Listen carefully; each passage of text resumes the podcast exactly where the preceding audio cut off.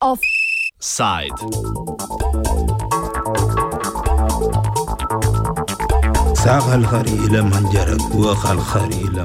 S srcem in dušo za obstanek.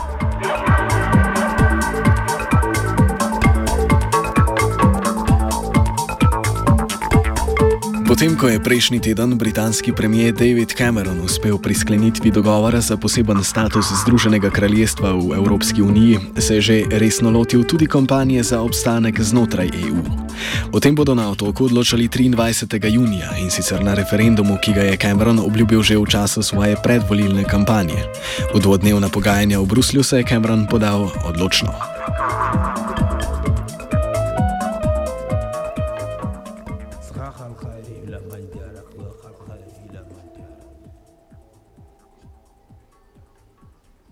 I will campaign to keep Britain inside a reformed European Union. I'll campaign for it with all my heart and all my soul. Poglejmo, kaj je dosegel. Moto EU, ki pravi, da je ta vedno bližja unija med ljudstvi Evrope, od sedaj naprej ne velja za Združeno kraljestvo. To je bilo jasno že do sedaj, ni pa bila formulacija tega sporočila tako odločna, kot je v novem sporazumu, v katerem je eksplicitno zapisano, da se s kakršne koli omembe večje povezanosti unije ne navezujejo na Združeno kraljestvo in da si to ne želi nadaljne politične integracije. Najbolj javno vidne spremembe pa so tiste, ki se tičejo socialne zaščite, ki je dostopna migrantom. V skladu z dogovorom bodo evropski državljani, ki bodo prišli delati v Združeno kraljestvo, morali biti zaposleni štiri leta, preden bodo lahko dobili socialno podporo vezano na delo. Cameron je popustil pri točki, ki določa, za koga bo ta zamrznitev veljala, in sicer bo stanje za že prisotne migrante ostalo enako, sprememba pa bo zadela vse, ki še pridejo v državo. Govora je bilo tudi o otroških dodatkih in sicer za otroke migrantov, ki živijo izven Združenega kraljestva. Ti dodatki bodo po novem dogovoru prilagojeni glede na življenjski standard države, v kateri otrok dejansko živi. I believe that this is enough for me to recommend that the United Kingdom remain in the European Union, having the best of both worlds. We will be in the parts of Europe that work for us, influencing the decisions that affect us in the driving seat of the world's biggest market and with the ability to take action to keep our people safe. And we'll be out of the parts of Europe that don't work for us.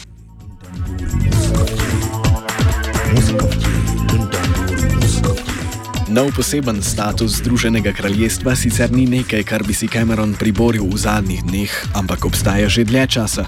Sedaj je morda samo pridobil še nekaj novih privilegijev, ki se, kot že omenjeno, vežejo predvsem na omejevanje pravic priseljencev.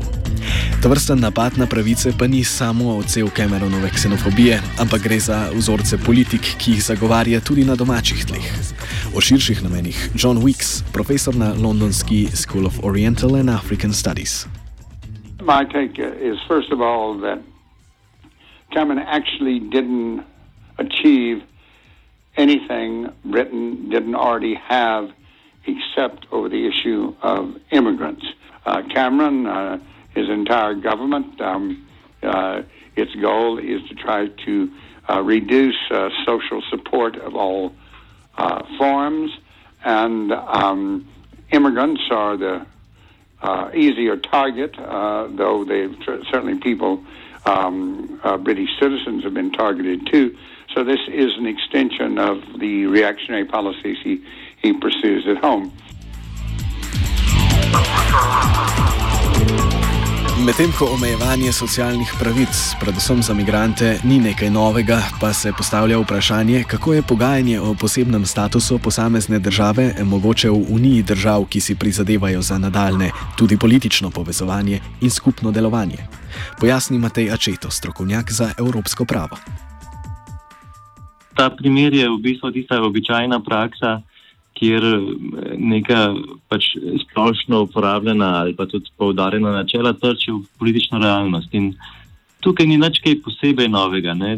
Že od vse od začetkov se je vedno znova pokazalo, da je to vse tesnejše povezovanje, vsaj do neke mere, tudi talec oziroma um, funkcija nacionalnih interesov posameznih držav in Velika Britanija ta hip, kot že nekajkrat prej, igra še enkrat več na karto evroskeptične države, ki ni povsem prepričana, da si želi tako tesne unije.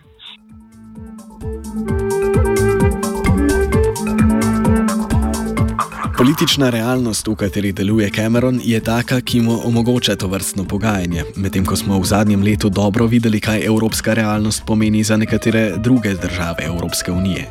Wix razloži, kaj je tisto, kar Cameronu omogoča pogajanja in celo doseganje določenih rezultatov, medtem ko je lanski primer Grčije pokazal precej drugačno sliko. I think it uh, reflects that uh, Britain is a big country that doesn't owe any debts to any German banks. Uh, unlike um, uh, Greece, where the government did owe money to German and French banks. Uh, also, it reflects that Britain is outside of uh, the eurozone, so that the um, um, uh, the European Commission and its German patrons have have very little influence, um, or limited influence over uh, British uh, economic policy because not a member of the euro and has its own central bank, therefore. And, um, uh, and so I think it's a combination of those two, you know, the power of countries and the fact that it is not a member of the uh, of the eurozone.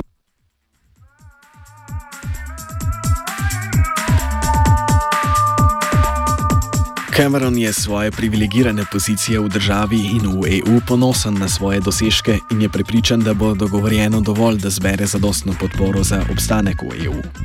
Izkazalo pa se je, da največja Cameronova težava niti ni bilo pogajanje v Bruslju, ampak je to vedno bolj tesno pomankanje podpore v njegovi lastni stranki.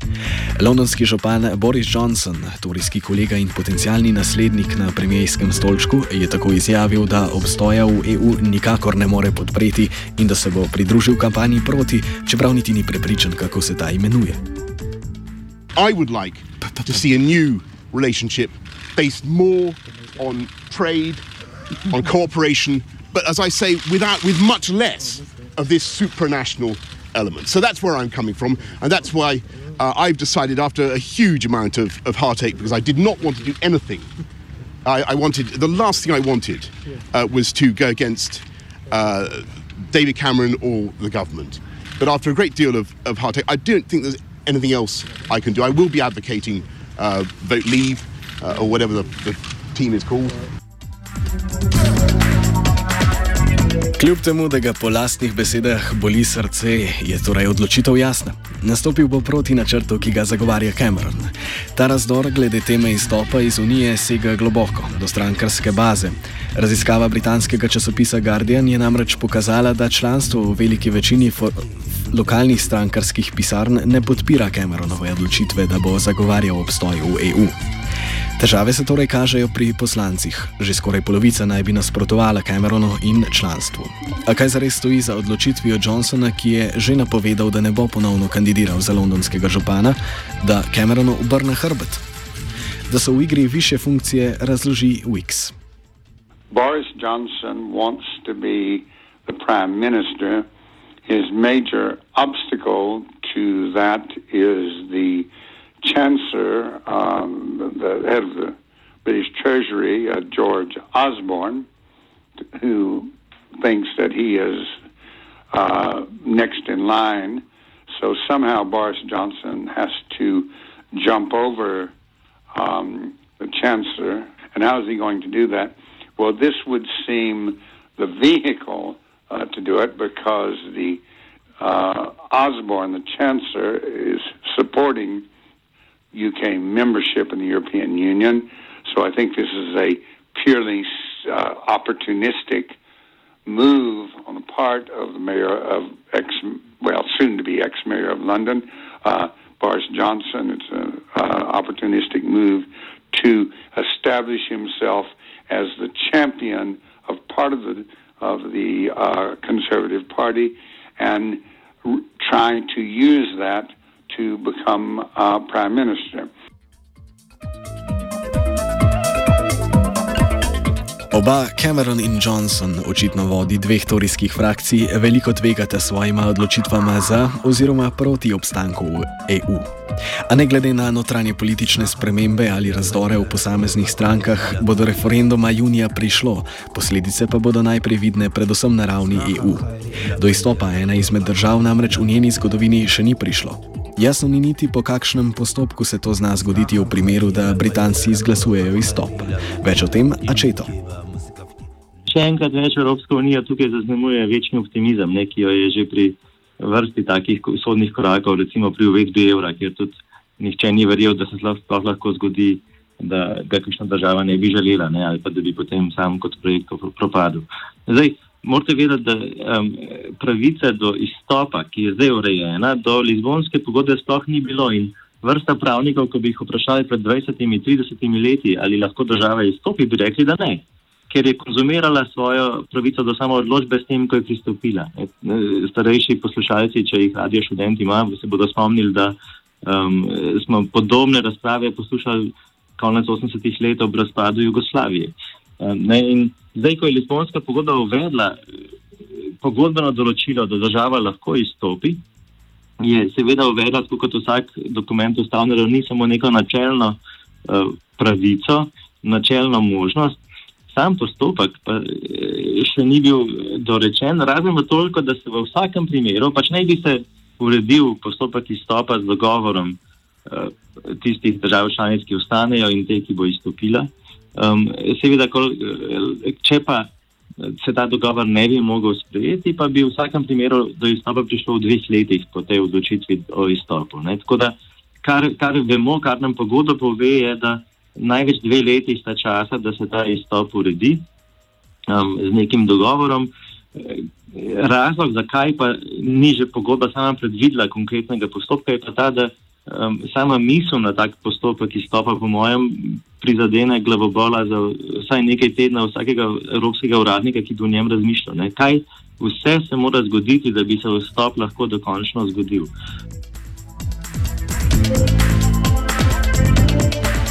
In kaj o možnosti britanskega izstopa pravijo predstavniki EU? Evropski komisar za finance Pierre Moscovici je izjavil, da komisija ne pripravlja nikakršnega plana B za primer izstopa, saj še vedno trdno verjame v plan A, torej Združeno kraljestvo kot del Združene EU. Da te združenosti ali sloge že dolgo ni več, dokazujejo vsi privilegiji, ki jih Združeno kraljestvo že ima in dodatni, ki še prihajajo. Kaj bo na koncu odločilo o usodi EU in koliko glavobolov bo referendumski rezultat povzročil, pa bo jasno v naslednjih mesecih.